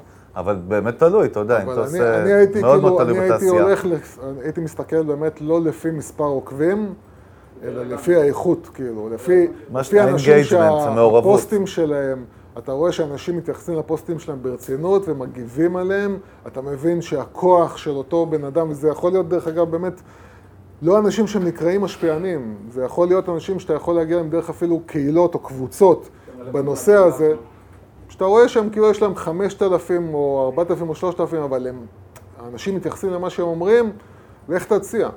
צור איתם קשר, תציע להם הצעה. דף עם 150 אלף לייקים הוא לא שווה כלום, אם אין מעורבות בפוסטים של מאות על כל פוסט. זה מה שחבר'ה צעירים יודעים את זה. הרבה אנשים עושים את הטעות וקונים לייקים, טעות גדולה, בטח כן, באינסטגרם, ששם, ששם זה מחלה איומה. באינסטגרם אתה צריך לבדוק טוב, טוב, טוב, טוב את, ה, את החשבונות של האנשים, ללכת ל, לראות מה שנקרא את ה-engagement, לראות אם התגובות שם הם לא אה, מגניב או זה, או מילה, או קול, או משהו כזה, אלא ממש תגובה שהיא ממש מתייחסת לתמונה, לתוכן של התמונה, כי הרבה אנשים פשוט קונים לייקים ומזייפים. אז, אה, אז צריך לבדוק, אבל אם, אם אתה מגיע למסקנה ש... זה באמת אמיתי והבן אדם הוא באמת זה, וזה לא חייב להיות כוכב, זה יכול להיות פשוט באמת מישהו שיש לו engagement טוב, לבוא עם הצעה בהתחלה קטנה, ואחרי זה קצת לגדול אם צריך, אבל אני חושב שזה, אתה יודע, מפה לאוזן, או בן אדם חבר שלי ש, שאני סומך עליו וממליץ על משהו, אני, אני חושב שהגיונית זה, אתה יודע, בן אדם שממליץ לך שאתה סומך עליו, אין, אין סיבה שהלידים משם יהיו יותר טובים מאשר פרסומת סתם ששמת, העלית בפייסבוק. נגיד ועכשיו עשיתי סרטון תוכן, בסדר, והשקעתי בו, וגם יש בסופו של דבר איזשהו תקצוב מדיה, סבבה? בוא נדבר פייס, כן. אתה שם את הכסף לקמפיינים ממומנים, אתה רוצה לידים, ואתה רוצה... בשביל לדחוף אותו אחרי זה. נחיתה. ועכשיו אתה רוצה לדעת, כאילו, אתה רוצה גם לעשות תוכן שמעניק גם ערך, אבל איפה שאתה בא למכור, כאילו, מה זה בא למכור? אתה שם איזה פוסט יפה ויש איזה דף נחיתה, ואתה רוצה שיהיה לידים. כן. עכשיו, את התקציב מדיה שלך, יש לך תקציב, הוא לא, בסופו של דבר הוא לא גדול, אני מדבר על חברת ענק, ואתה רוצה להשקיע אותה בצורה טובה, ואיך לחלק אותו בין התוכן הזה שאתה בא להעביר ואתה רוצה מצד אחד שלא יהיה בוסט, למרות שאני רוצה שהוא יהיה אורגני גם טוב, או לקמפיין לידים, כאילו... בעצם...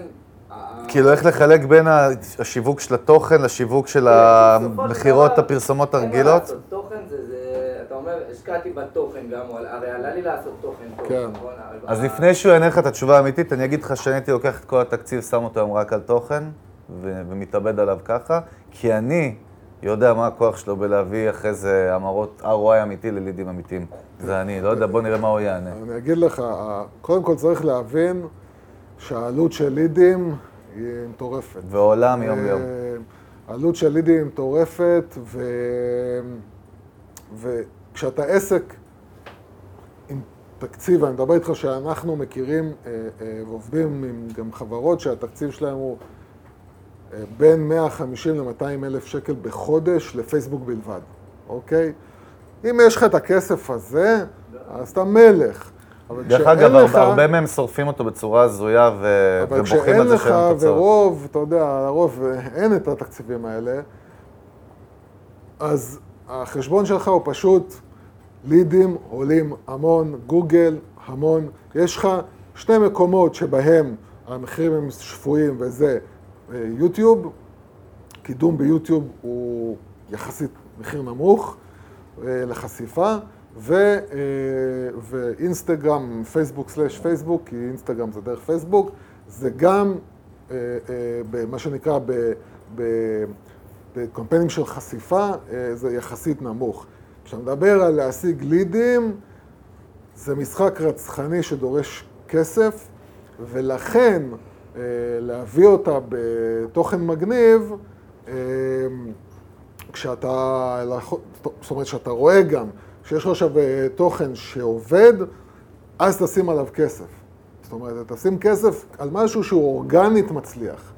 כשמשהו אורגנית מצליח, אז אתה יודע שבוודאי אם אתה תדחוף עליו עכשיו כסף, אז הוא יצליח עוד יותר. תזכור גם שהתוכן הזה, אתה דוחף אותו בתרגות לאנשים שמתאים, שאתה מחפש כמו שאתה מייצר כפי לידים. וודינג זה ברייד, אז, אז זה יגיע אליהם או לעיניים. חברים, או, או הכי טוב זה חברים של אנשים שהם נמצאים אצלי בזה, שזה העלויות הכי נמוכות. בקהילה, שאתה, כן. ברגע שאתה יש לך קהילה? לקהילה... יש דף פייסבוק כאילו לעסק? כן. כמה עוקבים יש שם? אז, לא, בערך, מה, מה, אלף איש, 200, 5,000? 200 ומשהו. אז... אז, אה, אז זהו, אז, אז, קטן. אה. אז, אז קודם כל תנסה אה, להגדיל אה, בכסף, להגדיל, אה, אני, אתה יודע, זה מאוד, אה, באמת בחתונות זה לא פשוט, כי התרגות הוא, אתה יודע, הרי חתונה זה דבר מאוד זמני. זה לא, זה לא משהו כאילו שעכשיו מישהו נגיד מתעניין במשהו לאורך שנים. אה, מישהו שיש לו עסק, אז הוא מתעניין בדברים שקשורים לעסקים. זה לא קשור, כשאתה מטרגט אבל wedding, אז הוא מוצא לך את האנשים לא, שבאותו רגע בסדר, בסדר, מתעניינים אבל לא ב wedding, כולם, זה הרעיון. אז לא כולם, לא כולם כאילו עכשיו אה, עושים לייק לכל מיני דפים שקשורים לחתונות, או, אה, זה לא כאילו משהו שקל לטרגט אותו, אבל... אה, זה היה אבל- לפני, זה כאילו...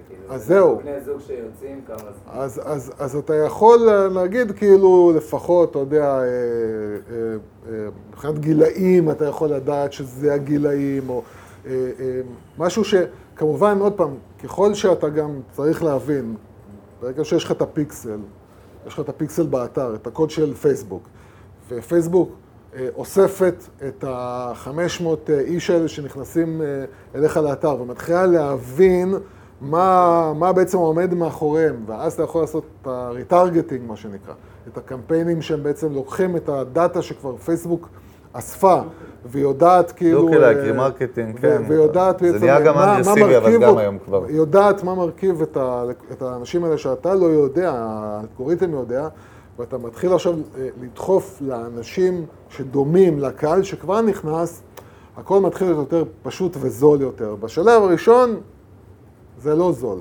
אבל אם אתה עכשיו בשלב הראשון צריך לדחוף ללידים, שאני אומר לך קמפיינים של לידים הם רצחניים כלכלית, אני חושב שאתה לא צריך להגיד, לפי הקנים פה, אתה יודע, אנשים חווים את זה, זה אז- ברור, אז, זה ידוע. אז תיקח תוכן טוב, תבדוק אותו אורגנית, תראה שהוא עובד, שים עליו כסף. רגע, לא, עזוב, זה- אני בא להגיד לך, אני קולט את כל השאלות שלך על תוכן בעיניים, אני חייב להסביר לך משהו על תוכן. יש בעיה עם תוכן. אי אפשר למדוד את ה-ROI שלו, בטוח בהתחלה. כל מה שאתה מכיר על לידים, על זה, תהפוך את הקערה, ועכשיו תבין שזה עובד אחרת. קשה, קשה להבין את זה, קשה לקלוט איך זה עובד, בייחוד לא עם תתנובה שעושה עכשיו קמפיינים לא יודע עם מי, אז זה מאוד קשה להבין.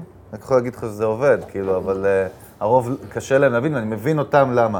זה מה שאתה מודד אותו לאורך זמן, והפידבק שלו הוא בהרבה בצורות שונות, ולא ליד אז, ישר. אז, אני, אז אני חושב. שבאמת אחרי כמה ימים, אחרי כמה ימים, אתה כבר יכול להתחיל, אחרי שבוע, אתה יכול כבר להבין שמשהו עובד. לפעמים אחרי, כשאתה מדבר על דברים שהם מטענים רגשיים, עניינים של יומיים שלושה. עניינים של יומיים שלושה, אם אתה לא אני מגיע אהיה זהיר לכמה ואגיד אלפים. שלפעמים גם אחרי חודשיים זה קורה. הסדרה של משיח ברשת, שדיברנו על זה, של אודי כגן, אז זהו, סדרת רשת שלקח כמה חודשים עד שמישהו בכלל קלט ונהיה על זה באז ביוטיוב, לקח. אז אני אומר לך אף אחד לא ידע גם לחזות את זה. סרטון טוב של אה, הצעת אה, נישואין, שהוא עשוי בצורה מרגשת, תוך שלושה ימים, אם אתה לא רואה שם כמה אלפי צפיות, לא. מה שהוא אמר לך, כמה אלפי צפיות אני אומר לך שלא, שאני אומר אחרת. יכול להיות שכן, אף אחד לא יודע לחזות בתוכן, מה יהיה ויראלי, מה יהיה בזי, מה לא. אני יכול להגיד לך דבר אחד, אם יש לך תוכן טוב, אתה מקבל פידבק טוב אפילו מקרובים, ומאנשים זה, ותתחיל אחרי זה להשקיע כסף, כי באורגני לחלוטין שכח מזה גם, אין להיות נייקי עכשיו באורגני, אבל להשקיע כסף על תוכן שהוא טוב, זה המתכון המנצח בדוק בשנים הקרובות. זה, אני יודע שהוא יסכים איתי, אני חושב ש... בואו נסתכם את זה פה, תוכן- כי באמת... תוכן וכמובן אה, נראות, נראות, נראות. זה חשוב מאוד שתיראו כמו שצריך. וכמו שצריך זה אומר, אה, הרבה, הרבה פעמים אנשים הולכים עושים את זה בעצמם כדי לחסוך כסף, ורוב האנשים, מה לעשות, לא יודעים לעשות את הדברים כמו שצריך בעצמם. אה, אני במקרה למדתי קולנוע, אז כל מה שקשור לתוכן וידאו, אני עושה אותו יאללה, יאללה, אל תעוף על עצמך עכשיו. אני לא למדתי קולנוע, ואני... הוא עשה סאונד, הוא למד סאונד, אז הוא לעשות סאונד. אני מומחה למוזיקה, סתם, לא, אני אה, צוחק. מה שהוא אומר, אני ממש מסכים איתו, כמה שהוא מעצבן אותי, אני מסכים איתו, שבארץ מי שיביא אותה, הוא יכול לנצח מאוד מהר, כי פה... אה, אין הרבה תחרות בדברים ממש טובים אונליין. ודיברנו באמת על, אה, על, על, על, אה, על גולדסטאר, הפרסומת של גולדסטאר באחד הפרקים האחרונים. שאתה מאוד אוהב את הפרסומת הזאת, כן. עצבנה אותי ברמות כן. על, עצבנה אותי ברמות על, כי זה דוגמה לאיך להרוס מותג, לדרוך עליו ולשרוף אותו. זה פשוט לקחת מוצר צריכה שהוא המוצר, כן. אם יש משהו ש, שצריך לבנות עליו מיתוג עם תשומת לב, זה בירה. כן? זה מותג שאתה חייב לייצר תחושה כלפיו. כל מותגי הבירה בעולם, כולם עובדים על הבירה שלי יש לה מסורת, הבירה שלי מ-1800, כל ה... ואז בא לך בגולדסטאר ולוקחת ועושה משהו מרעיש ו- ומעצבן, ובטח ובטח ובטח שדוחה ומעצבן נשים, שהם היום קהל יותר, יותר ויותר גדול של בירה, והקטע וה- הזה של הרעש, מול, לך תיקח את בדווייזר, ראיתי אה, לא מזמן משהו שהם עשו לאינטרנט בלבד, כאילו, לא פרסומת טלוויזיה, בדווייזר, הם לקחו איזשהו כוכב פוטבול אה, שעכשיו פורש, והם הלכו והביאו אה, את, מכל רחבי ארצות הברית, כל מיני, במקרה הוא, הוא אפרו-אמריקאי, הם לקחו חבר'ה אפרו-אמריקאים עם סיפורים של אתה היית האליל שלי, אני בגללך לא בכלא. אני ראיתי אותך ואמרתי, כמו שאתה הצלחת, אני זה, הביאו סיפור, ועוד אחד ועוד אחד ועוד אחד, ובסוף הביאו את אימא שלו, שבאה וחיבקה אותו, אמרה לו, תדע לך, אני חשבתי שאתה הולך להיות פושע, שאתה הולך להיות גנגסטר, והלכת ועשית משהו מהחיים שלך, והוא אומר לה, אימא, חולה עלייך. פשוט, אתה רואה, חדר פשוט, בן אדם עומד עם אנשים שמגיעים... לא חווה אלברשטיין על דרקון ב-750 אלף שקל. מוזיקה עדינה, מוזיקה עדינה גם לא יותר מדי, מה שנקרא, לא דרמטית, over, מה שנקרא, לסחוט, אלא עדינה. ככה, ככה, Budweiser בונים מיתוג. זהו, לקחת ולהפעיל רגשות. דרך אגב, מה שהוא אמר יותר זול מהפרסומות הבומבסטיות שדיברת מבחינת הכסף של ה production. שופכים פה טונות של כסף, דווקא, עוד פעם, זו שיחה אחרת על משרדי הפרסום הגדולים, על התפיסות העקומות שלהם, אבל היום אין לך, אתה תעשה תוכן טוב, תעטוף אותו טוב, כן. לא יודע, תביא הכי עורך וידאו ועורך סאונד טוב, אל תעשה, תביא עורך כן. פרמייר, שיערוך לך את זה שיודע לעשות uh, כמו פרסומות, ותעשה את זה טוב. ודווקא, אה, אה, דווקא חברות קטנות יותר, שמה שנקרא... בן אדם כאילו שעכשיו רואה אותך, הוא מבין שאתה לא עומד עם תקציבים של ערוץ 2. היכולת שלך לבוא ולהיות אמיתי ואותנטי, בלי כל ה... אה, לפעמים היותר מדי מקצועי, יכול להיות גם לא לטובה. זאת אומרת, הקטע שזה מאוד מאוד מרגיש אמיתי ולא עשוי יותר מדי טוב, לפעמים הוא דווקא זה שעובד. במותגים, בסטארט-אפים זה יותר מפחיד, כי סטארט-אפים זה עולם טכנולוגי ואתה צריך יותר להרשים, אבל בחברות קטנות ואפילו בינוניות, אה, פשוט תסחט רגשות. תפמפם לרגש, תלך לרגש, תעשה את זה, לא, אתה יודע, אל תשים לי עכשיו את המוזיקה מארמגדון, ואתה יודע, משהו שהוא כאילו, זה כבר אובר, אלא משהו קטן, אבל משהו שבן אדם יכול להרגיש את זה בלב, אתה מנצח. אתה מנצח, מבטיח לך, אתה מנצח את המשחק. טוב, זה היה מילים יפות כאלה לסיום. אני אשים לך את זה בעריכה מוזיקה דרמטית, באמת. היה לנו כיף גדול, אנחנו צריכים להתנצל לסיים, יש לנו עוד מחויבויות קודמות. כן. אה, באמת רוצים להודות לכם. יאללה, חברים, תודה רבה לכם.